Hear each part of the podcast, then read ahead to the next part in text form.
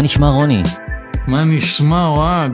בסדר, בסדר גמור. אז uh, אתם ואתן על מה נשמע, המדריך הלא רשמי להאזנה לפודקאסטים, בו בכל פרק אנחנו לוקחים בעצם פודקאסט מכל נושא, אם זה ספורט, אם זה מוזיקה, אם זה אקטואליה, אם זה אינפורמטיבי, ומסקרים לכם.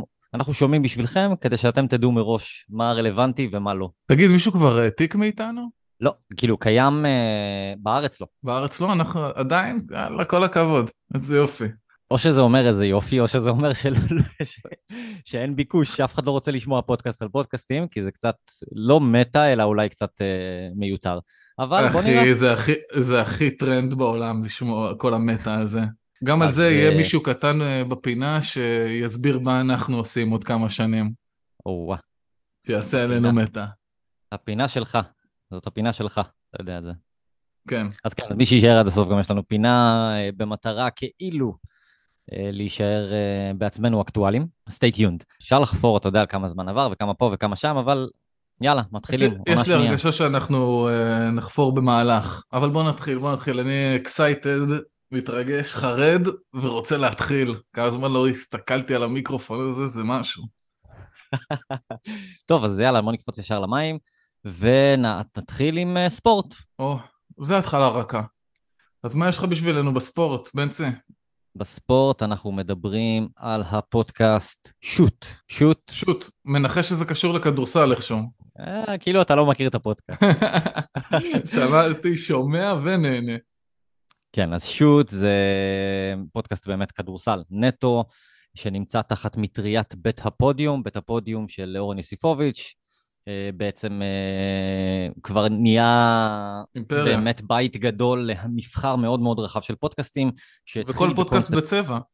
כן, התחיל בקונספט של ספורט, אבל יש גם אה, כמה וכמה פודקאסטים שלא קשורים לספורט בכלל, אם זה לשחרר את הדוב, אם זה בינג'ר. אה, יש את ה... שמעת את ה... איך זה נקרא? הנבל... הממזרים? ברית המ... משהו, המ- הממזרים? לא, אבל זה משהו לתוכנית הבאה כנראה. אז זהו, אז uh, רביד רשמתי. פלוטניק עם עוד איזה מישהו שעושים פודקאסט על, uh, על Game of Thrones. מעניין מאוד, אני בטוח יאהב את זה. אתה יודע שיש לי סופט ספוט לרביד פלוטניק. לגמרי. אז כאמור, תחת המטריה של בית הפודיום, ובעצם שוט, פודקאסט של כדורסל, בעיקר שהיוצרים NBA, שלו... לא? לא, לא הייתי אומר, לא הייתי לא, אומר. דווקא. אה, עמריאל חסיד, אה, שהוא הדמות אולי הכי פחות מוכרת בעולם הכדורסל, אבל גם כן איש פודקאסטים ותיק, וגם אה, מנחה מעולה בעיניי. ירון טלפז ואור שקדי בכל מה שקשור למומחיות עצמם, אם זה ירון טלפז בכל מה שקשור ל-NBA נאמבר 1 מבחינתי, ושקדי כדורסל ישראלי ויורוליג גם כן גאון. ויערה יצחקי, שהיא שחקנית אה, באלף סמך רמת השרון, נותנת גם כן גוון מעניין של להביא מישהו שחי את המשחק יותר, לא פרשן, לא זה. ובעבר היה גם את רועי צוקרמן, שאני מאוד מאוד אוהב אותו, אבל כבר בפרקים האחרונים הוא עזב. אה, פודקאסט על כדורסל. כמה ש- כמה שנים הוא רץ כבר הפודקאסט? הפודקאסט הזה, לא הרבה, שנה וחצי, כמעט שנתיים, אבל uh, הימים הטובים שלו עוד לפניו, ככה אני חושב. ונדבר קצת מבחינת אה, אינפורמציה. יבשה באמת.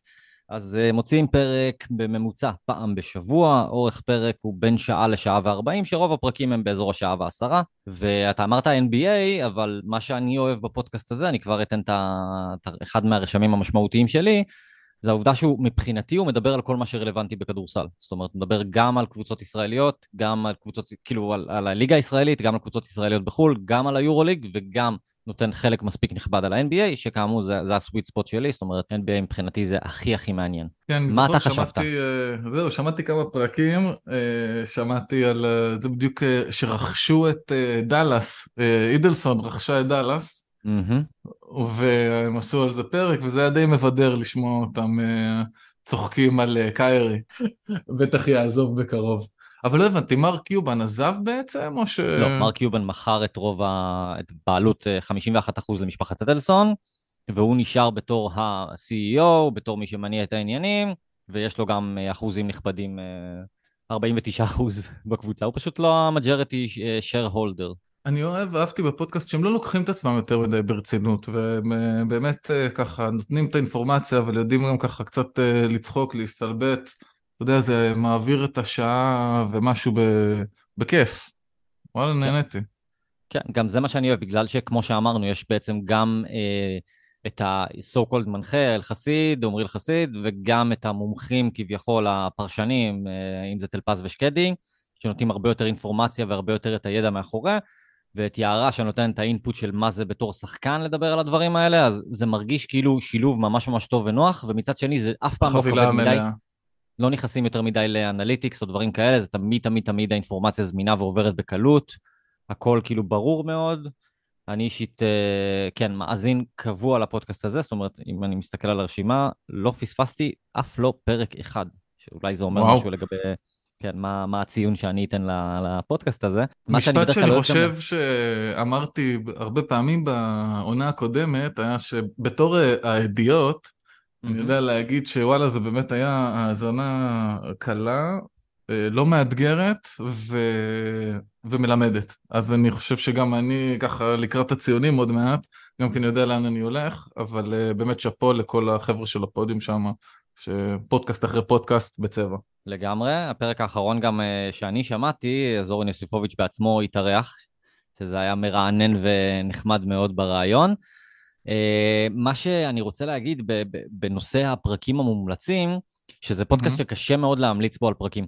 מהסיבה הפשוטה שאני רואה את זה בתור פודקאסט ספורט אה, אקטואלי. זאת אומרת, אתה רוצה לשמוע בכל שבוע את הפרק הרלוונטי, כי עברו כבר כמה שבועות, ובמיוחד בעולם המאוד מאוד פרוע שלנו, כבר יכול להיות שהמאמן לא נמצא, והשחקנים התחלפו, ודברים כבר פחות פחות רלוונטיים.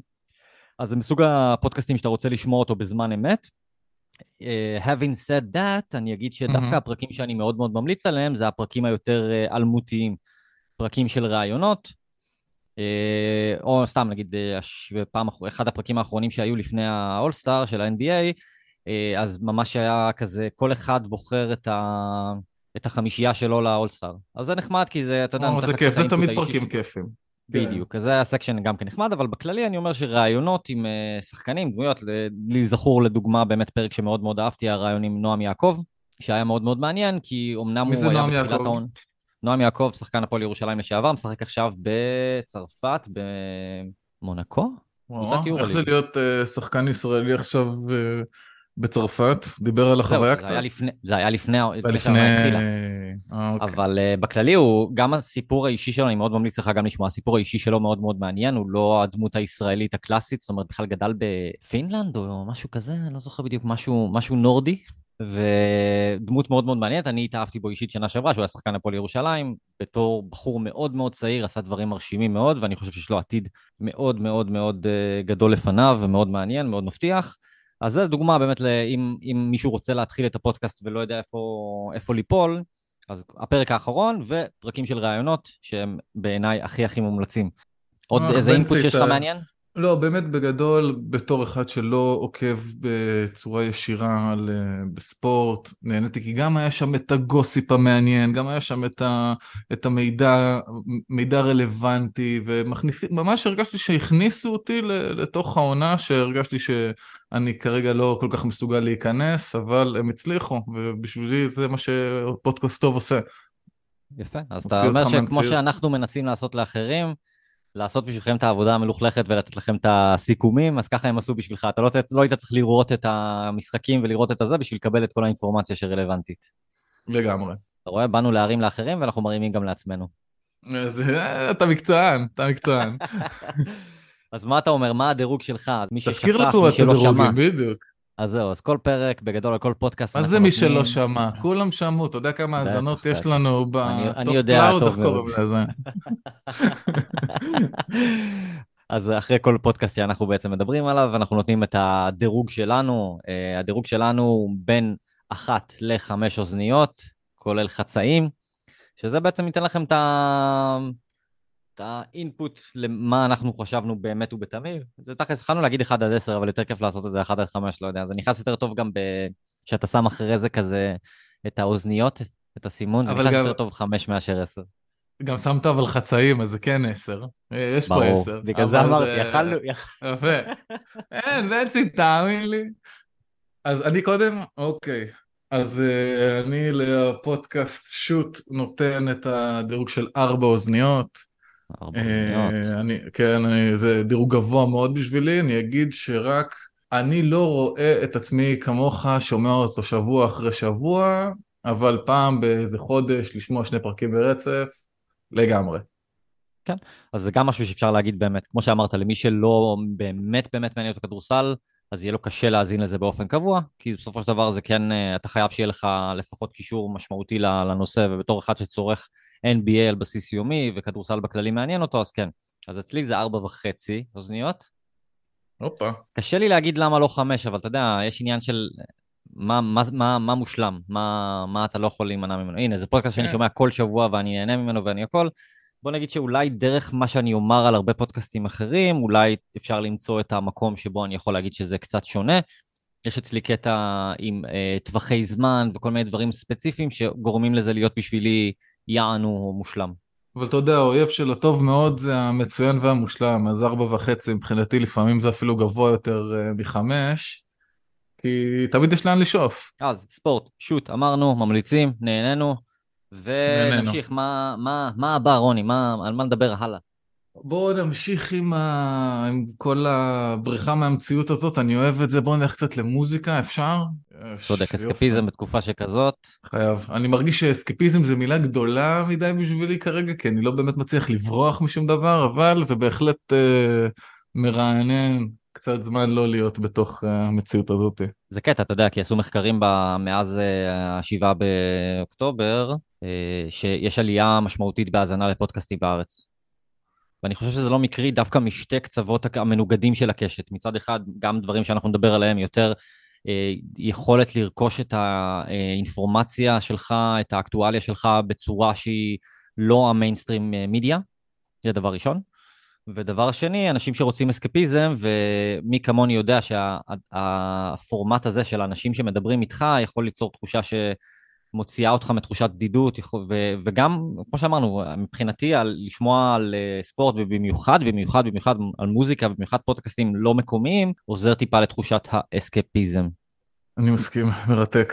אבל תכף אנחנו נגיע בטח גם לזה, אנחנו יכולים אה, להימנע מלדבר על המלחמה עד איזשהו גבול מסוים. יש לי הרגשה שעוד נחזור לזה. אבל מוזיקה. אז מה, מוזיקה- מה, מה נשמע? נשמע הרבה מוזיקה. במוזיקה אנחנו מדברים על פודקאסט שנקרא Bandsplain במילה אחת, יענו להסביר להקות. ותשמעו חבר'ה כל פרק בצבע, כי כל פרק הוא... כמה זמן אוהד? מה ממוצע פרקים שם? וואו, קשה מאוד להגיד את זה, בוא נגיד שהפרקים הכי קצרים הם באזור השעתיים, פרקים יכולים להגיע גם למעל לארבע שעות, ויש פרקים שמחולקים לשניים, שני מקטעים של כל להקה, ואז זה, זה יכול להגיע גם לשש ושבע שעות על כל להקה. אז רק באמת אני אומר כמה מילים בסיסיות. Bandsplain הקונספט שלו, כשמו כן הוא אה, פודקאסט שבא להסביר על להקות. מנחה והמארחת יאסי סאלק, היא בעצם אה, כל פעם אה, בוחרת להקה כלשהי, מביאה אדם מומחה סלש מעריץ של הלהקה, ונכנסת ממש ממש ממש לעובי הקורה. וזה ב... להגיד בעדינות, באמת. כאילו זה ממש למטיבי לכת. זה פודקאסט למטיבי לכת.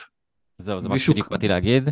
זה ה... מה שאני אוהב לקרוא DDA, מה זה? Deep Dive Alert, וואו, לגמרי. גם מבחינת התוכן עצמו וגם מבחינת האורך של הפרקים, אה, דורש אנשים שמשקיעים. משקיעים, אתה חייב אה, פוקוס משמעותי, כי יש כל כך הרבה אינפורמציה ששזורה על רצף של שעות, כאמור. וצריך אנגלית שפת אם, חבר'ה, ככה גם עוד אה, זה, לפודקאסט הזה אתם צריכים אנגלית בשפת אם, אם יש לכם פחות, פחות תהנו. לא בהתנסות אני אומר את. זה, כמישהו שהתקשה. זהו, שוב באינפורמציה היבשה, אמרנו אה, אורך פרק ממוצע בין שעתיים לארבע שעות, יותר קרוב לכיוון של ארבע שעות לכל פרק. Uh, התדירות הייתה פעם בשבוע, אבל בוא נגיד שמאז דצמבר 23 לא יצא פרק חדש תחת uh, באמת בנספליין, יש uh, פרקים אחרונים שיצאו, 24 question party people. בעצם יאסי מארחת uh, אדם uh, מוזיקאי כלשהו ושואלת אותם את אותם 24 שאלות. גם כן. מומלץ, אבל uh, כן, זה חמוד מאוד. נדבר על זה אה, אולי עוד פעם, פעם הבאה, או בעתיד. נשמע מעניין. חמוד נורא. חמוד נורא, אבל שוב, לא, ב... לא בעומק ולא במשמעות כמו שדיברנו על בנספליין עצמו. אז מה הרשמים שלך, רוני? תשמע, אני שמעתי את הפרקים על הסמיץ. אה, כי אני, אה, יש לי היסטוריה עם הלהקה הזאת ועם מוריסי, אני מאוד אוהב אותם, הם אה, עזרו לי הרבה בחיים. ויש שני פרקים, כל פרק. שלוש וחצי שעות. מה שכיף היה לי ישר בהתחלה זה שמי שהביאה להתארח היא בחורה ישראלית. אה, היה כיף לשמוע, כי שמעתי את זה כבר, אתה יודע, בנובמבר, וזה פרק מלפני שלוש שנים, אני חושב, או שנתיים, לא זוכר בדיוק, והיה כיף לשמוע ככה את, ה... את השמחה בקול שלה. וואו וואו וואו, אני כל פעם אה, צולל חזרה לעמוד, אה, לעמוד שלי, אני אנסה עוד פעם לצאת, אבל באמת היה מרתק, אבל too much בשבילי, אני לא אשקר. זה היה too much. זהו, מה שאני יכול להגיד יפה, סתם אתה מדבר על הפרק של הסמיץ, אז זה ממש מזכיר לי קטעים מאוד מאוד ספציפיים, כמו שהיא מדברת שם על ג'וני מר, ואיך הוא פגש את, אה, את כן, הבת זוג שלו, מוריסי, ואיך הם היו את זוג, זוג. כאילו, אתה נכנס ממש לעובי הקורה, וגם הדמות הזאת של מוריסי המגלומן אה, 101. וגלומן ווירדו, ו... המוריסי. שאנחנו אוהבים. כן, זה המוריסי שאנחנו אוהבים. ולפעמים גם אוהבים לשנוא. כן, כן, אני, אני מאוד מחבב אותו, למרות שבאלבומים האחרונים שלו קצת פחות התחברתי משום מה, אבל עדיין.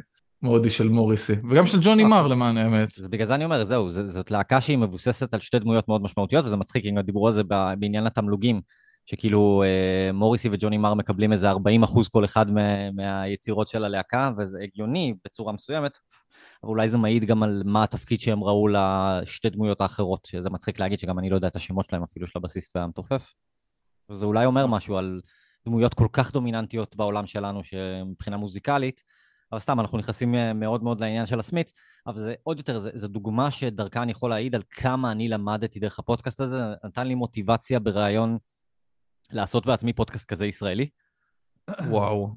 זה משהו שיכול לקחת הרבה מאוד זמן, אבל uh, כרעיון אני חושב שזה מהמם, ולהנגיש את זה גם בשפה העברית וגם לעשות את זה במיוחד על להקות ישראליות, זה יכול להיות מצוין, כי אין היום פודקאסטים שנכנסים מספיק לעומק. תחשוב, מוזיקה זה עולם כזה גדול, אבל אין פודקאסטים ישראלים שמדברים על מוזיקה ישראלית ונכנסים ככה לעובי הקורה, למרות שאני יכול לתת קוויאנט אחד, אה, פודקאסט שיר מדהים. אחד.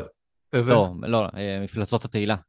שזה פודקאסט שאם כל חברי משינה נכנס ממש ממש ממש לאיך עשו את האלבום הזה, שיר אחרי שיר, מרתק, אבל שוב, אין פודקאסט באופן עקבי שלוקח להרכבים ישראלים ועושה את זה איתם, אז מישהו ירים את הכפפה, מרג- ואם לא תרימו את הכפפה, אני ארים את הכפפה. זה כאילו מרגש אותי ומפחיד אותי ב- ב- באותה מידה. כי באמת ברגע שנכנסים ונכנסים לכל השלוש וחצי שעות ואז עוד שלוש וחצי שעות שזה שבע שעות זה time consuming זה energy consuming ומה אני אגיד נהנית, נהניתי וסבלתי ביחד אתה מבין ממש נהניתי וסבלתי. כן, אני ממש אמרתי לך, אני יכול להגיד שאני יכול להבין מה אתה מדבר עליו, כי לפעמים אני האזנתי להמון המון המון פרקים, וחלקם להרכבים שאני פחות אוהב, מה שגרם למצבים שבהם הפסקתי לשמוע באמצע. אני מבין את זה. אבל, אבל ברוב ההרכבים שאני אוהב, זה היה פשוט כיף מושלם, מה שגם עוזר מאוד שנגיע לקטע של ההמלצות. אבל עוד משהו חשוב לגבי הפודקאסט הזה, פודקאסט יחסית ותיק גם כן, הוא התחיל ב-2021, והחל מ-2023... זה נקרא בעצם- ותיק? כשאתה עושה את זה לרמה כזאת של אה, מעל 100 פרקים, וכל פעם נכנס ל... ל... זה מה שבאתי להגיד. קודם כל, להוריד את. הכובע בפניה, על התחקיר שהיא באמת. עושה, זה באמת השקעה מטורפת, ולהצליח מטורף. לעשות את זה באופן עקבי, week in, אה, week out, זה מטורף, ואני מבין למה, למה היא יצרה קצת עכשיו. גרמת לי עכשיו לעלות חצי נקודה, שתדע לך. רק בזכות מה שאמרת עכשיו, העלית לי חצי נקודה, כי באמת, אתה יודע, זה קל, קל לא לחשוב על זה, כאילו, קל אה, להתמסר להתעייפות מזה, אבל כמות ההשקעה היא באמת אה, מטורפת. כן, ובסופו של דבר גם אה, אתה, אתה צריך לדאוג למה מעניין אותך, אתה יודע. אה, אז מה שרציתי להגיד מעל הכל זה ש... לא מעל הכל, מה שרציתי להגיד בכללי, זה שעד 2023 בעצם היו משמיעים שירים שלמים בתוך הפודקאסט. דוגמה מכל מיני אלבומים וכן הלאה, וכל השנה ומשהו האחרונה, כל, כל הפרקים שיצאו ב-2023, יש רק sound bites מאוד מאוד קצרים, בלי שירים מלאים. שיש לזה, אני יכול להגיד על זה גם טוב וגם רע, כי הקונספט הזה שאפשר תמיד לדלג על השירים, אז לפעמים כשאתה פחות מכיר או יוצא יותר להבין על מה מדובר, זה כיף לשמוע את השיר השלם תוך כדי, אבל בוא נגיד שזה לא חסר לי במיוחד בהרכבים שאני מכיר, כי זה לא באמת אה, נדרש, אז אני יכול להגיד לטוב ולרע על שני הצדדים האלה, אבל אה, אולי זה עזר קצת לקצר את הפרקים, שזה מצחיק להגיד על שוב פודקאסט. תגיד, יש על טוקינג הדס פרק? יש, יש שני פרקים, כן, זה יצא זה מה ש- אז אני-. זה מה שאני אשמע. כאילו, אנחנו מדברים וכל מה שעולה לי בראש זה בא לי לשמוע קצת על דיוויד ביירן, בא לי לשמוע עליו. אז, אה, זאת, אז אתה לוקח אותי ישר לקונספט של הפרקים המומלצים שלי. וואלה. אז מה שבאתי להגיד, מעל הכל זה באמת מאוד מאוד מאוד אינדיבידואלי כאן. אני חושב שכל בן אדם, ההרכבים שמעניינים אותו יותר, אלו הרכבים שהוא ירצה לשמוע, וזה יפה גם לראות שבמיוחד מההתחלה יש על U2 uh, ועל Doors וג'וני מיטשל, זאת אומרת, זה לא רק הדברים היותר איזוטריים, אלא באמת בצורה מאוד מאוד מגוונת, יש על פאנק, ויש על להקות מטאל, ויש על פופ, יש באמת הכל מהכל. אבל מן הסתם, הפרקים שאני יותר אהבתי זה הפרקים שיותר מדברים אליי, אז אמרנו סמית'ס, בהחלט uh, פרקים מומלצים, Talking Heads, גם כן, שני פרקים מאוד מומלצים, היה, יצא על אינקיובוס לא מזמן, שזה היה מאוד וואלה. מאוד כיף לשמוע. אוף uh, ספרינג נורא נורא נהניתי. Uh, ג'וי דיוויז'ן, אמ, פוגאזי, היה מרתק, וואו. וגם היה עוד משהו מעניין שבדרך כלל לא עושים, היה על הפסקול של סינגלס. של הסרט שיצא. מגניב מאוד. ממש ממש טוב. זה חזק מאוד, זה בעצם על, על גראנג', על תרבות הגראנג' קצת. בדיוק, וזה עשוי נורא נורא נורא טוב. אז בנס פליין, מוזיקה, בוא נעבור לדירוגים שלנו. אני חושב שמרוב כמה תחיל. שגמרתי על הפודקאסט הזה, אפשר להבין שיש משהו שנקרא בעיניי מושלם. אה, נותן חמש אוזניות. שוב, יש פרקים שאני לא אשמע, אבל ה- היכולת גם לקבל אה, השראה, גם לקבל אינפורמציה שמלווה אותי בכל רגע, בנושא האהוב עליי בעולם שזה מוזיקה, מבחינתי מוריד את הכובע בפני יאסי, מושלם. יפה. אז אה, זה בסדר, כי זה קצת מתאזן עם מה שאני הולך להגיד, אני נתתי לזה שתיים וחצי, אבל בעקבות מה שאמרת מקודם, אני מעלה את זה לשלוש, אז שלוש אוזניות. שוב, מי שהוא לא... מקצוען ויש לו את הסבלנות, ימצא את עצמו סובל. זה פודקאסט שהוא בגדול אך ורק לאנשים שעמוק עמוק במוזיקה ושיש להם סבלנות, ואני לא כזה, ואני מאמין שיש גם הרבה מאזינים שלנו שהם לא כאלה. ועל כן, שלוש אוזניות. כן, זה גם מגניב, נראה לי בדיוק ההבנה ב... מי הדפוס של האנשים שאתה שומע אותם. אז אני ואתה, יש לנו, כמו ב-99% מהדברים, יש לנו טעם וכיוונים שונים. אבל אני, אני אתחיל להכניס את הטרמינולוגיה שלנו, אז ל-DDA, Deep Dive Alert, זה באמת אחד ה number 1 מבחינתי, זאת אומרת, מי שרוצה להיכנס לעובי הקורה ואוהב מוזיקה, go for it, בנס פליין. נמשיך. נו, מה הבא בתור שלנו? עכשיו הערה שאני רוצה לתת בכללי, זה עקב רוח התקופה, אמ, בפודקאסט האינפורמטיבי, אה, ששם אה. אנחנו בעצם נלך, אני גם כן לוקח אותנו למשהו שהוא מאוד רלוונטי לתקופה שלנו. אז באינפורמטיבי אנחנו מדברים על פודקאסט שנקרא קלצ'קין. קלצ'קין על שם המנחה אריאל קלצ'קין, אה, שהוא גם הבעלים של הרדיו, ה-APGB. יש לו פודקאסט נוסף שאולי נדבר עליו בהזדמנות, שהוא אה, בעצם, אה, שהוא מארח אנשים ברדיו, שהוא הרבה יותר ארוך, הרבה יותר כבד, אבל מה שאנחנו מדברים עליו הוא תחת המטריה של רלוונט. רלוונט זה בעצם ערוץ תקשורת עצמאי. בין היתר אפשר לקרוא לזה, אתה יודע, משהו שיותר מה, מהצד השמאל של המתרס. כן, הוא ערוץ 14 של השמאל. משהו כזה. למרות ו... שהפודקאסט הזה והתוכנית הזאת לא הייתי קורא לה שמאלנית. אבל... אז זה בדיוק מה שאני בא להגיד, שבגלל הרעיון הזה ש... שמה שרלוונט חרטו על דגלם, שזה משהו שיהיה קצת יותר אובייקטיבי, אני חושב שהפודקאסט הזה, למרות שאתה יכול להרגיש אג'נדה מסוימת שקיימת, אה, משתדל לתת לך את הנתונים בצורה מאוד מאוד יבשה. אז רק להסביר קצת על הפודקאסט, אתה יודע מה, משהו שאני לא נוהג לעשות, אבל אני חושב שלפעמים אתה יכול לראות הכי טוב ממה ש... מה שהם רושמים בעצמם. אז בתיאור של הפודקאסט... זה, זה רעיון יפה לקרוא לפעמים את התיאור של הפודקאסט, אהבתי את זה, תקרא לנו. כן, הוא באמת מסביר את זה. אריאל קלצ'קין בסדרת מפגשים עם אנשי אקדמיה בכירים, כדי לשמוע מהם איך הם רואים את המצב של ישראל בימינו, וכיצד ניתן ללמוד מהעבר שלנו על ההווה והעתיד. וזה ממש מסביר את הפודקאסט. לגמרי. אתה יודע בכלל, אנשי אקדמיה הפך להיות איזשהו אה, מונח גנאי לאחרונה, אני חושב, בעיקר בעקבות כל מה שקורה בארצות הברית עם האוניברסיטאות וההתייחסות שלהם לכל מה שקורה וקורה החל מה-7 לאוקטובר, אה, שזה מעניין. אתה יודע, כן, יש לי עוד איזה אה, הערה קטנה. כן. Uh, מקודם אמרת, פשוט זה יושב לי בראש, uh, הכנסתי את זה למרינדה קצת, על זה שמאז 7 לאוקטובר יש יותר ישראלים שמאזינים לפודקאסטים, mm-hmm. ואני חושב שהמצב אצלי הוא הפוך. באמת? אני חושב, כן, אני חושב שהמוח שלי הוא uh, הרבה פעמים כזה בערפל, שאני uh, מתקשה דווקא להקשיב לפודקאסטים, בגלל זה הנתון הזה הוא מאוד מאוד uh, מעניין, אבל מאוד אהבתי שאמרת על העניין של מוציא אותך מהבדידות קצת, כי זה אחד על אחד. זה אפילו ריגש אותי קצת. זה מאוד מעניין. כן, אני חושב שזה משהו שאני חוויתי על בשרי, אחת הסיבות שהתחלנו בכלל את הפודקאסט הזה בזמנו, זה היה כמה פודקאסטים עבורי, כמה הסכתים עבורי היו דבר משמעותי בתקופה מאוד מאוד קשה, כמה זה עזר לי התחושה הזאת ש, שמישהו נמצא איתך בחדר, מישהו נמצא איתך בבית, מישהו ממש מדבר אליך, יענו face to face. יש בזה משהו כל כך עצוב, אבל מנחם ומקסים בעיניי במשפט הזה. אתה יודע, הוא, הוא יישאר אצלי. אהבתי אותו. אז תגיד לי מה, מה אתה חושב, רגע, אני אתן את האינפורמציה היבשה השנייה. תן, תן את האינפורמציה. אז אמרנו, uh, קלצ'קין ברלוונט, תדירות uh, פרק יוצא פעם בשבוע, אורך פרק ממוצע בין 40 ל-70 דקות, פרק תכלס בדרך כלל שעה, שעה וקצת. Uh, אני אוהב לקרוא לזה הסוויט ספוט, זה הסוויט ספוט שלי.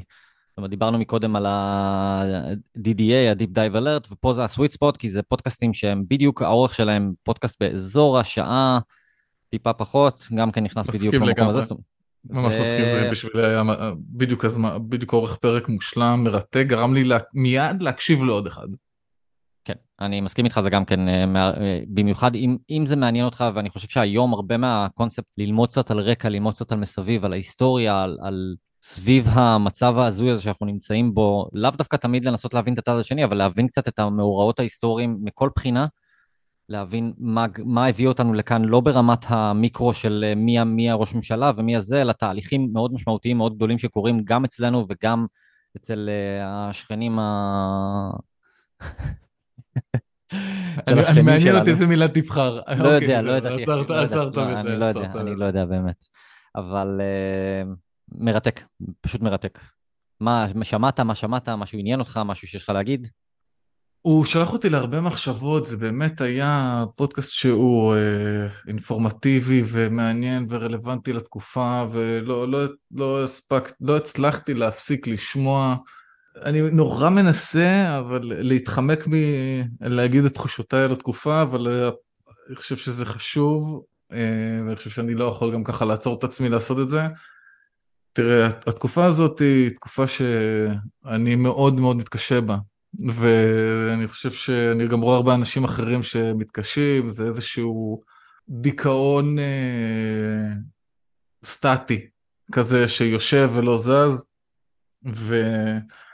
ודיברת על ההיסטוריה, וזה עוד משהו שבתקופה האחרונה מאוד אה, חורה לי, שאני חושב שכבר התקופה הפוסט-מודרניסטית הרסה לחלוטין, לחלוטין כל הסתכלות אובייקטיבית על היסטוריה, אז כשאתה, כשאנחנו אומרים ללמוד קצת על מה שהיה, אה, כל אחד רואה את זה כל כך אחרת, שזה לא משנה מה אני אלמד או מה אני אדע או מה אני אחשוב, בוודאות יש עוד מיליון אחרים שלא רואים את זה ככה. מיליארד לפעמים אנשים כן. שלא רואים את זה ככה. וזה גורם לי לזלזל קצת בהיסטוריה באיזשהו מקום, לפקפק בה. אתה מבין למה אני מתכוון? אני מבין לחלוטין, אני אוסיף ואומר שמבחינתי הדבר שהייתי חולק עליך בו, כי אני חושב שאנחנו בעידן הפוסט-פוסט מודרניזם. זאת אומרת, אנחנו כרגע בעידן הפוסט-אמת. ובתוך העידן הזה, במיוחד לדור הצעיר, הבעיה הגדולה היא שהאמת כבר לא חשובה, חשוב מה מהדהד יותר חזק. וזה בדיוק המצב שאנחנו נמצאים בו, שהרבה אנשים כופים על עצמם נרטיב מסוים בגלל שהם מרגישים, זה משהו שיגרום להם להרגיש יותר טוב, ובגלל ש... שוב, אני אומר את זה, קשה לזרוק, אה, אתה יודע, אה, תיאוריות מאוד מאוד גדולות בכמה משפטים, אבל אני באמת מאמין שמעבר לעובדה שאנחנו רגילים לקבל דברים ב bite size, בלי להיכנס לעובי הקורה, בלי להבין באמת מה קורה, אנשים גם רוצים מעל הכל לגרום לעצמם לחפש משמעות כלשהי, ולאדם שאין לו קושי מיוחד בחיים, אין לו איזה משהו לחרות על דגלו, אז הוא מוצא מטרות נעלות מסוימות בכוח בשביל uh, להתמודד איתם, בשביל, בשביל לגרום לעצמו להרגיש יותר טוב עם עצמו. ככה אני חושב שזה מה שאתה יכול לקרוא לו השמאל הפרוגרסיבי המטורלל, אז הרבה מבחינתי נובע מזה, גם uh, מתנאים מאוד מאוד ארוכים של uh, תפיסה של המערב כ... כפריבילגים שגרמו לעוולות הכי משמעותיות בעולם ואין להם איך לשנות את ההיסטוריה, אז הם מחפשים עכשיו את העוולות הנוכחיות בכוח, גם אם לא מצליחים להבין את המורכבות של הדברים מאחורי זה. אני, אני כל כך מסכים, ואתה יודע, זה לוקח אותי למקום שפעם מאוד לא אהבתי את הביטוי עדר. מאוד לא האמנתי בדבר הזה שבן אדם אחד מנהיג והוא יכול אה, אה, להנהיג את כולם וכולם טיפשים ו, ופתאום אני מרגיש שבתקופה האחרונה אני סוף, כאילו נפל לי האסימון על מה זה עדר, מה הכוונה בעדר, mm-hmm. וזו תובנה מאוד קשה כי אני מאוד בן אדם של חוכמת ההמונים, אתה מבין מה כאן? ועכשיו אני לא, עכשיו אני לא שם. אמ, אני יכול להבין, דרך אגב, משהו שרציתי להגיד, אתה דיברת, את זה, דיברת על התחושה הזאת, אני חושב שהסיטואציה הנוכחית שאנחנו חווים מאז השבעה באוקטובר, זה מבחינתי מקביל לשלבי האבל של קובלר רוס. לא, לגמרי אחרי. כאילו, ואחרי ההכחשה ואחרי זה, אנחנו עכשיו, רוב העם נמצא או בשלב הכעס או בשלב המיקוח. ואני, מה שאני מאוד מאוד מקווה זה שנגיע כמה שיותר מהר לשלב החמישי, לשלב הקבלה. כי אני מרגיש שאנחנו באמת יותר כרגע ב- ב- בשלב הכעס, ככה אני מרגיש עם עצמי לפחות. שגם הוא אומר בדרך כלל שבן אדם, כל בן אדם חוזר יותר לנטיות האוטומטיות שלו, וגם הזעם, הזעם יכול להיות מופנה לכמה וכמה גורמים, אבל כרגע אני מרגיש שבעיקר מה שרווח בעם זה בעיקר הכעס הגדול. כל אחד. מסיבותיו שלו וכל אחד מה... כן, אתה יודע, זה לא סוד שאני אה, מצביע ליכוד כבר אה, הרבה שנים, מאוד מאמין בתפיסת הביטחון של הימין, ונראה לי שדיברנו על זה פעם, אבל כאילו כל מה שקורה שולח אותי באיזה פנדל לכיוון השני. כאילו כל, אני מרגיש שכל הקונספציה של ביטחון בימין קרסה לי מול העיניים, והכאב של המלחמה הוא כל כך גדול שכאילו אני רוצה להתחיל להאמין בשלום. אני, אז זה, מה, זה, זה מעניין מאוד, כי מה שאתה אומר בעצם שולל את כל מה שאני אמרתי, כי בדרך כלל האנשים, הנטיות האוטומטיות שלהם נוטות רק להתחזק יותר.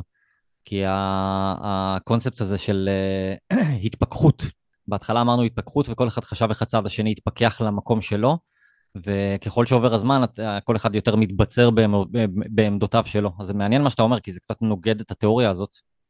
אבל אה, אני חושב שזה אה, תהליכים אה, משמעותיים שכל אחד עובר עם עצמו, ומאוד מאוד תלוי גם באיזה תכנים אתה צורך, מאיפה אתה מקבל את האינפורמציה שלך, ולמי אתה מאמין. וזה האבסורד, שוב, אנחנו מדברים בעידן הפוסט-אמת, מעל הכל חשוב למי אתה מאמין, כי אין כבר, זה עצוב להגיד את זה, אבל ככה אני חושב, אין כבר משמעות באמת לאמת. זה הכל נהיה כן, כן. סובייקטיבי כן. לחלוטין. העובדות לא... גם זה עוד פעם משפט כל כך עצוב, אבל הפעם לא מנחם. זה, זה, זה באיזשהו מקום שובר אותי. אוי, מה זה סטינו, אבל אני... לא, לא, אני חושב שזו נקודה מצוינת לחזור בה ולהגיד שהסיבה שאני כל כך אוהב את הפודקאסט הזה, והסיבה שאני כל כך מתחבר אליו, זה הוא מביא באמת אנשי אקדמיה שידברו על נושאים שהם חקרו במשך עשרות שנים, ואתה מרגיש שאתה מקבל תמונה שהיא באמת אובייקטיבית, היא באמת נכונה. פרק אחד שאני יכול להמליץ uh, מעל הכל, וזה באמת לכל בן אדם בכללי שמעניין אותו נושא הקונפליקט הישראלי-פלסטיני, זה מה לעשות ומי אשם עם דוקטור עינת uh, וילף. על הכמה דקות הראשונות קיבלתי את הכאפה של החיים שלי בפרק הזה, שהיא מדברת על, uh, על המסקנות של הבריטי ב-1947, לפני קום המדינה, לפני המלחמה, לפני הכל. פשוט אומרים, חבר'ה, הסכסוך הזה בין היהודים לערבים, לא היה פלסטיני, לא היה ישראלי, הסכסוך הזה בין היהודים לערבים. ב-1947 התובנות של הממלכה הבריטית, של האימפריה הבריטית, היו שזה סכסוך בלתי פתיר. כי ה- ה- היהודים רוצים מדינה, והערבים, כל מה שהם רוצים זה שלא יהיה ליהודים מדינה. ואנחנו כאילו נמצאים במרחק עוד מעט 80 שנה מהדבר הזה, ואנחנו באותו, באותה ביצה בערך. זה פשוט מטורף בעיניי. הפרק הזה פוקח עיניים דווקא לצד של הימין, אבל להבין מה, מה המטרות של האדם הזה שנמצא מולך בצד השני, שאנחנו דרך אגב כל כך לא רואים אותו ולא יודעים מי הוא באמת. זה פרק פשוט מרתק ומדהים, ועוד פרק שהייתי ממליץ עליו זה מיתוס הגבורה עם uh, פרופסור חיים וייס. מה שיפה גם, אתה יודע, כל הפרקים מרתק. זה דוקטור פרופסור, דוקטור פרופסור, דוקטור פרופסור. כן. Uh, מיתוס הגבורה מרתק, גם בקונספט הזה של מה אנחנו עושים לדמויות עבר ואיך אנחנו לוקחים אותם למקום כזה של, היה שם סיפור עם uh, מרד, עם בר כוכבא, שהילדה שלו חזרה מבית ספר ואמרה לו, אבא, איך ניצחנו במרד? עכשיו, הוא בא למורה ואמר לה, אני חקרתי את הנושא, אנחנו לא ניצחנו במרד. היא אומרת, לא, זה מה שמשרד החינוך קובע, זה מה שאנחנו מלמדים. כאילו, איך אנחנו לוקחים דמויות מסוימות מהעבר ואנחנו משנים את ההיסטוריה, מסלפים את ההיסטוריה בשביל המטרות, בשביל הנרטיבים שלנו. עכשיו, אה, זה, זה מעניין. זה בדיוק מה שדיברנו לפני רגע. זה, כן, ב... כן. זה בדיוק זה. זה אבל... מעניין, אבל אני חושב שפה זה גם נוגע בנרטיב המשמע... הבסיסי היהודי, ואולי קצת משחק איתו ההפך, כי הרעיון הזה של ניצחון במרד אולי קצת פוגע בקונספט של, של מי אנחנו כעם היהודי, כי מה שאנחנו חווים, אם אתה לוקח באמת את, את, את, כל ההיסטוריה הידועה שלנו על העם היהודי, אז זה בדיוק ההפך ממה שתופסים אותנו עכשיו. אנחנו היינו תמיד, מאז ומתמיד, המיעוט הנרדף. אני אסתכן בל, בלהישמע אה, פולני במיוחד, אבל אני חושב שסיבות לשנוא את העם היהודי הן יכולות להשתנות כל הזמן, אבל תמיד יהיו. אנטישמיות זה מה שנקרא לא מילה גסה, היא קיימת, ואת זה כן אני רואה אצל, נגיד אצל אשתי, שמאוד מאוד חזקה ונטועה בשמאל, mm-hmm. אבל ממש, אנחנו מדברים הרבה על פתאום ההבנה על מה זה להיות יהודי, ו... ואת ההשפעות של זה על החיים שלנו, ואת העובדה שאנחנו צריכים להתמודד עם זה. אנחנו נולדנו יהודים, תמיד נהיה יהודים, ומה עכשיו? כן, האם לשנוא את עצמנו או, לח... או לחבק את זה? הייתי רוצה להיות זבוב על הקיר בשיחות שלכם. מעבר לשיחות עצמן, מאוד מאוד מעניין אותי, בגלל המקורות של שניכם שנטועים באוקראינה, מעניין אותי mm-hmm. אם הנושא הזה, כמה הוא עולה ואיך הוא עולה, כאילו. כן, אבל אני לא ניכנס לזה, אבל בשנים האחרונות, גם מאז uh, שנתיים, יש את מלחמת רוסיה-אוקראינה, שזה שקר דרך אגב, שזה שנתיים, כי זה משנת 2014 אני חושב, מאז. שרוסיה uh, לקחה את קרים, כן, אבל uh, בסדר, אולי בהזדמנות אחרת. ובפודקאסט אחר שאולי ידבר קצת יותר על זה. אה, אז שכחתי כבר שאנחנו בפודקאסט על פודקאסטים, ברגע נכנסתי לשיחת נפש שלנו. כן. אז אה, בוא, בוא, בוא נסכם את הנושא וחפרנו את החיים באמת. סגר, כן, כן. מה אתה אומר על קלצ'קין מבחינת הדירוג שלך? ארבע, ארבע אוזניות לגמרי, מאוד מעניין, מאוד, לא יודע אם מתומצת זה המילה, אבל יעיל. תשמע, מרתק, פשוט מרתק. כן, אני? מסכים איתך לחלוטין, אני גם נתתי לו ארבע אוזניות. אופה. אין לי הרבה דברים, אין, אין לי הרבה דברים רעים להגיד, אבל uh, נהנה ממנו מאוד, ואני גם מאמין שאמשיך להאזין ל, לכל הפרקים. Uh, שוב, זה גם עניין של עניין הצריכה, שאני אומר להאזין לכל הפרקים, אולי נשמע לאנשים הרבה, אני צורך בממוצע בין 60 ל-80 פודקאסטים בשבוע, אז uh, זה שאני שומע את הפודקאסט פעם בשבוע זה לא, את הפרק אחד בשבוע זה לא אומר הרבה. אז קלצ'קין עם ארבע. ונעבור לנושא הרביעי והאחרון שלנו בעולם הפודקאסטים, רמז רמז, זה לא האחרון שלנו בכללי. כאמור, בתקופה המאוד מאוד מאתגרת הזאת, אז הנושא הרביעי שלנו, אקטואליה, ואקטואליה אומר בעיקר כרגע בזמננו להתעסק ברפש הזה שאנחנו נמצאים עמוק בתוכו, שכאילו אנחנו לא מדברים על זה, אני לא יודע בדיוק איך לקרוא לזה, המלחמה, כי התחושה היא שאנחנו נמצאים בתוך מלחמה, אבל כמו שאמרתי, התחושת האבל הזאת, אני חושב שזה העניין, העניין הוא שאנחנו מרגישים, נמצאים במעין בור, ודווקא הפודקאסט שאני הולך לדבר עליו קצת עוזר לי לצאת מהמקום הרגשי ולחזור יותר למקום הרציונלי. וזו הסיבה שאני מאוד אה, נהנה להאזין לו, כבר, אה, כבר חושף את הקלפים לפני שהתחלנו. לא, לא, לא, אבל זה משפט חשוב. אז אה, אנחנו מדברים באקטואליה על פודקאסט שנקרא ברייקינג, ברייקינג בעברית, אלעד וולף ואורי צירלין. כאילו אתה אומר רושמים ברייקינג בעברית, באותיות ב' ר' ק', אוקיי. בדיוק, אנחנו נסמן את הכל גם למטה למי שירצה לראות אה. ולהתעניין. אה, אלעד וולף ואורי צירלין, אלעד וולף הוא קמפיינר פוליטי ושניהם יועצי תקשורת. יש אלעד וולף את המשרד WBN, שזה וולפן בן נון מדיה. אמ, והסיבה שאני כל כך נהנה להאזין לפודקאסט הזה, זה בעצם פודקאסט פוליטי נטו, ובגלל שאתה מקבל פה את ה-inside information מאנשים שהם עצמם קמפיינרים, שעבדו גם עם מפלגות, גם אה, ברמה המדינית, גם ברמה המוניציפלית, אה, מאוד מאוד מאוד מעניין. אורך פרק בין 40 ל-50 דקות, שזה האם-אימא של הסוויט ספוט. בדיוק הזמן הזה שאפשר קצת להיכנס לעומק ושאתה נהנה והוא עובר לך בצורה טובה. תדירות uh, בממוצע פעם בשבועיים, יש קפיצות, לפעמים יש uh, פרק פעם בשבוע, לפעמים גם עובר חודש בלי פרק. Uh, ו- ומעל הכל, מה שאני בא להגיד, באמת, בגלל שאתה מקבל פה את האינפורמציה הפנימית מהדמויות האלה, אנחנו, המקום המושכל, השכלי יותר נכנס פה לעומק. כי הם מדברים על, על סיטואציה כל כך מזעזעת ובעייתית שקורית לנו בזמן האחרון. הפודקאסט לא התחיל מאז ה-7 באוקטובר, אבל בפרקים האחרונים, בכל התקופה האחרונה, מדברים על כל הזמן על האופציות בלי עניין של ימין או שמאל, על האופציות של כל מפלגה, של כל דמות פוליטית, איך הוא יכול לשדרג את הכוח שלו, איך הוא יכול להתמודד עם הסיטואציות האלה, צריך לצאת מהממשלה, לא צריך לצאת מהממשלה, איך הוא ממנף את הכוח שלו, מה זה אומר עם הרבה מאוד סקרים עצמאיים שהם עושים בעצמם, שכל פעם, מאוד. כל פעם מראים לנו כל מיני תנודות ומראה גם את הכיתוב של הכיתוב בארץ שהולך וגובר, איך מפלגות הימין הקיצוני יותר מקבלות עוד ועוד ועוד מנדטים, ואיך התפיסה עצמה של מי המנהיג בארץ הולך יותר דווקא למקום המרכז-שמאל. אה, מאוד מעניין, ממש ממש מרתק אה, מה, מהנקודה הזאת נטו, שאני לא כל כך בן אדם... אתה אומר הם לא... אתה אומר הם לא אומרים ביחד ננצח, אז אה? לא, ממש לא, ממש לא. וזה היופי גם, כאילו הם קצת עוברים מעבר לדברים האלה.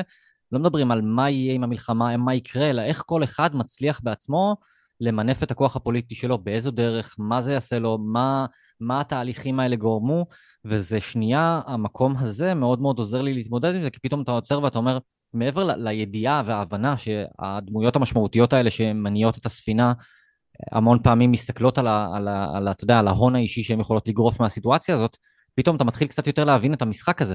ושהאנשים האלה שאומרים לך את זה, זה אנשים שהרבה פעמים מנווטים את הספינה באמת, יועצי התקשורת, האנשים, היועצים האסטרטגיים, הם בעצם לפעמים מחזיקים את הקלפים בתכלס, זה מרתק. אמרת, אמרת את המילה שמילה כיפית הפכה להיות לי מילת גנאי, וזה המשחק. לפני, פעם אחרונה שאני אעשה רפרנס לשביעי לאוקטובר, אני אנסה. אבל לפני השביעי לאוקטובר, המשחק הפוליטי היה לי איזשהו uh, כיף אפילו. אפילו בתקופה הנוראית של המחאה על uh, הרפורמה המשפטית, אבל uh, עכשיו אני במקום שקשה לי עם הביטוי משחק פוליטי, עם ההשלכות. כן, המחיר של המשחק הזה כבר נהיה... לא, לא, אני אומר, המחיר כבר נהיה כבד מדי, ואני חושב שאני לא, לא מסכים איתך, כי אני גם בעבר היותר אה, קרוב, נקרא לזה, לפני, מצאתי עצמי מאוד מאוד מתוסכל מהתפיסה הזאת, ומהקונספט הזה של איך, איך ניתן לשסע אותנו אחד בשני. הוא קיים מאז ומתמיד בערך בפוליטיקה. אה, יכולת של פחד וכעס, איך אה, יכול להניע אנשים, אבל אה, אני מתוסכל מאוד מהמשחק הפוליטי הרבה זמן, מה שגם אולי יחשוף את הצד הפוליטי שלי. מי, ש, מי שישראלי ומתוסכל פה מאוד ב... נקרא לזה כמעט 28 שנים האחרונות בערך. נראה לי שכבר מקודם חשפת את הצד הפוליטי שלך, אבל בסדר גמור. זו הרגשה שלי, לא יודע. לא, אני שמאל, אני לא יודע כמה אפשר לקרוא לזה גאה, אבל אני לא מתבייש בדעות הפוליטיות שלי, אין ספק. למרות הפחד שלי, אם אני אומר את זה עכשיו בחולון, שעוד שנייה מישהו יביא לי מכות, אני לא חושב לא, שאתה צריך לא להתבייש אף פעם במה אתה חושב ומה אתה מאמין. ושוב, אני ממש כאילו, אני אמשיך לגמור על הפודקאסט הזה, הוא מרתק. תגמור, תגמור. דווקא בגלל המקום הזה שהוא מוציא אותך מהרגש, מכניס לך יותר לשיקולים ענייניים. אוקיי, אני לא, אני גילוי נאות. לא מעניין אותי זהו, שלא אבל... שמעת אותו, זהו, אחרי שלא שמעת אותו, מעניין אותי, מה, מה ככה בשמיעה הראשונה, זה נשמע לך משהו שאתה כן רוצה לנסות, לא רוצה לנסות, מה? זה משהו שכשאנחנו נסיים אני אשמע, ברמה כזאת. זה enough said. כן, כן. אז עקב זה שאתה לא שמעת אותו, אנחנו גם נרוץ קדימה. אה, מבחינת פרקים מומלצים, שוב, אני אומר, אין פה באמת יכולת לפרקים מומלצים, בגלל שכשם הפינה אקטואליה, תמיד עדיף לשמוע את הפרק האחרון שיצא, שרלוונטי לאותה תקופת זמן, במיוחד במערבולת המטורפת, כמו שאמרתי בספורט, באקטואליה זה אפילו יותר קיצוני, אז תמיד עדיף להיות uh, מי שרוצה להאזין, לשמוע את הפרקים הכי אחרונים, הכי רלוונטיים, ואז זה משאיר אותך בעניינים. ולדירוג, אני נתתי לו ארבע אוזניות, גם כן מסוג הפרק, הפודקאסטים שאני אשמע uh, באופן עקבי. ומצד שני... אתה בדירוגים גבוהים. כן, כן, הפעם אנחנו... אתה יודע, אחרי הפסקה, אמרנו, באנו לפרגן, כן, באנו לפרגן. כן, אז כן. גם ננצל את הנימה הזאת ונגיד שמי שרוצה לשלוח לנו גם בהערות, גם אה, באישי, אם זה בפייסבוק, אם זה בטוויטר, או עד בן צור, O-H-A-D, רווח B-E-N, רווח Z-U-R, יכול לשלוח לנו המלצות לפרקים, אנחנו גם נאסוף מחברים, גם נאסוף ממאזינים, ונחזיר גם את ה... כתובת המייל וכתובת ברשתות החברתיות גם נמצא לכם אה, ונשתף אתכם במשהו ייעודי, במידה ואנשים רוצים לשלוח לנו פודקאסטים, שלשמוע מה אנחנו חושבים עליהם. יפה, ו... יפה, חשוב מאוד. הייתי נותן את הפייסבוק שלי, אבל אה, אין לי. כן, אז... לא, אה, הפייסבוק, הפייסבוק גם זה זקנים, למרות שרוב המאזינים שלנו, אני מניח שיהיו כמונו, שיותר אוי, זה קישור מדהים ל... לפינה שלי. אני, אני מבטיח שהפרק הבא זה יהיה יותר טוב, אני... זה היה מאוד... תעבוד על זה. אני, אני אעבוד על זה. אז uh, בשביל להישאר uh, קולים, גם בשבילכם המאזינים הצעירים והמאזינות הצעירות, אנחנו הולכים לעשות uh, בעונה הזאת פינה של טיק טוק, כן. אתה מוכן לזה בנסי? אני מוכן לזה, אין לי טיק טוק. אין לי טיק טוק, אז מה שאני אומר שכאילו, אין לי טיק טוק, אבל מה שבאתי להגיד זה בשביל הפינה הזאת ובשביל להישאר מחובר ושזה לא יהיה משהו שהוא לגמרי שלך, אני כן חושב שאני חייב לפתוח עכשיו, ואני כן חושב שאני חייב להיכנס לעניינים. אה, זה גם מתחבר, אתה יודע, כל דבר שאנחנו אומרים מתחבר לתקופה, אבל uh, הרבה ממה שמדברים בזמן האחרון, הרבה מהאינפורמציה שאני מקבל על הטיק טוק דווקא מדברת על אג'נדות מאוד מאוד ספציפיות, ובדיוק דיבר על מה שאני נגד הביסים הקטנים האלה שנותנים לך כאילו כביכול אינפורמציה שאמורה להיות uh, יותר משמעותית. אז בגדול אני נגד, אבל אני בטוח שכמו בכל פלטפורמה אחרת אפשר למצוא את המקום שבו אתה תמצא את הדברים שכן מעניינים אותך וכן רלוונטיים אליך. אז זה השני סנטים שלי בנושא. אבל אה, קדימה, ואנחנו... תציג בפנינו... ואנחנו לגמרי שם, אני לגמרי איתך, ואנחנו נדבר מה, על... מה אתה תעשה, רגע, מה, אתה, מה, מה, מה הקונספט של הפינה? אוקיי, אז אה, בגדול הקונספט של הפינה הוא אה, להגיד על אה, טיק טוקר שאנחנו ככה רואים סרטונים שלו ומעריכים ונהנים. לפעמים זה יהיה משהו מאוד מאוד טיפשי ושטותי, ולפעמים זה יהיה משהו אה, עמוק, ולפעמים זה פשוט יהיה משהו ממכר, ובעצם הפעם אנחנו נדבר על ה section הזה של הממכר. אז כמו כל טיק טוקר טוב, גם לטיק טוקר הזה הוא התחיל ביוטיוב, ולא בטיק טוק, קוראים לו מיסטר בולן, אני מקווה שאני אומר את זה נכון, זה B-A-L-L-E-N, ומי שמכיר כבר אה, בטח אה, עושה כזה, אה, ברור, ברור, כי הוא סופר מפורסם. בעצם הוא עושה דבר פשוט, הוא מספר סיפורים, רוב הזמן זה סיפורי אימה, על מקר... דברים אמיתיים שקרו אה, בעולם, וכנראה שיש לו משהו בקול, הוא מדבר כנראה באיזשהו דציבל או משהו שפשוט אי אפשר להפסיק להקשיב לו. סוג של uh, היפנוזה הייתי אומר, mm-hmm. הסיפורים זעזעים, כן mm-hmm. נגיד. יש לך איזה דוגמה כן. או כן בהחלט. יש, יש סיפור על בחור שעשה מלכי הערכה, איך ככה קוראים לזה? מלך הערכה, אתה מכיר, אתה יודע מה זה הסם הזה? זה סם שבארצות הברית... אה, אה כן, bath salts. bath salts, כן, זה bath salts. כן, והוא עשה את זה ומצא את עצמו אוכל פרצופים של שני אנשים. מה? כן, כן, כן. מה זאת אומרת אוכל פרצופים? קילף להם את הפ... או ככה את הפרצוף, בביסים, בביסים, נכנס לבית של, של אנשים שהוא לא מכיר, ואכל להם את הפרצוף, והרג אותם. כן, וגם תקף את השוטר שבא לעצור אותו, אני חושב שגם נתן לו ביס בצוואר או משהו בסגנון הזה. אה, כן, ואתה יודע, אתה שומע את הסיפורים, וסיפורים אמיתיים, ווואלה, אימא'לה. מזעזע. ומצד שני זה כל כך, הקול שלו כל כך ממכר, שאתה כאילו לא מוצא את עצמך אומר אימא'לה באמצע, רק בסוף. רק בסוף הסיפור אתה כזה, וואו, shit, מה שם? מה? זה מה ששמעתי עכשיו כאילו? אז אה, חבר'ה, מיסטר בולן בטיק טוק. אה, וואו, אוקיי, מיסטר בולן. אני, שנסיים, אני באמת אה, חייב לראות איזה קטע שניים, להבין על מה מדובר ולשמוע את הכל, הכל נשמע לי מעניין. אז אנחנו, זהו, מסכמים עוד פרק. הפודקאסט המנצח שלנו היום, עם ציון משוקלל של 4.25 אוזניות, אתה מבין? זאת הבעיה בלהסיב חצאים, שהציון המשותף... לא, אבל זה טוב, זה טוב. הוא שוט, פודקאסט הספורט, שקיבל את הציון הכי גבוה. כולם קיבלו ציון גבוה, אבל שוט אה, ניצח את כולם במעט, וזה יהיה הפודקאסט שאנחנו ממליצים לכם ולכן להאזין. כמובן, אם מעניין אתכם בכלל כדורסל, אם לא... כנראה שלא שמעתם גם את הקטע הזה, דילגתם כנראה לשלב הבא. כמה זמן היה הפרק הזה, בנצי? אנחנו נראה אחרי שאני... אנחנו נראה אחרי שאני אערוך אותו. אבל אני מקווה שהוא יישאר בגבולות הסוויט ספוט. בהצלחה עם זה. טוב, אז תודה רבה לכולם. תודה רבה באמת לכל המאזינים והמאזינות, מי שהיו איתנו, אנחנו, מה נשמע... תודה לך בנצי. תודה לך רוני. ועד הפעם הבאה, אה, תאזינו לפודקאסטים, או שלא, אנחנו נאזין בשבילכם, עזבו. כן, ואז תאזינו, אחרי שנמליץ, תאזינו. יאללה, ביי ביי. יאללה, שבוע טוב, חדשות טובות שיהיו.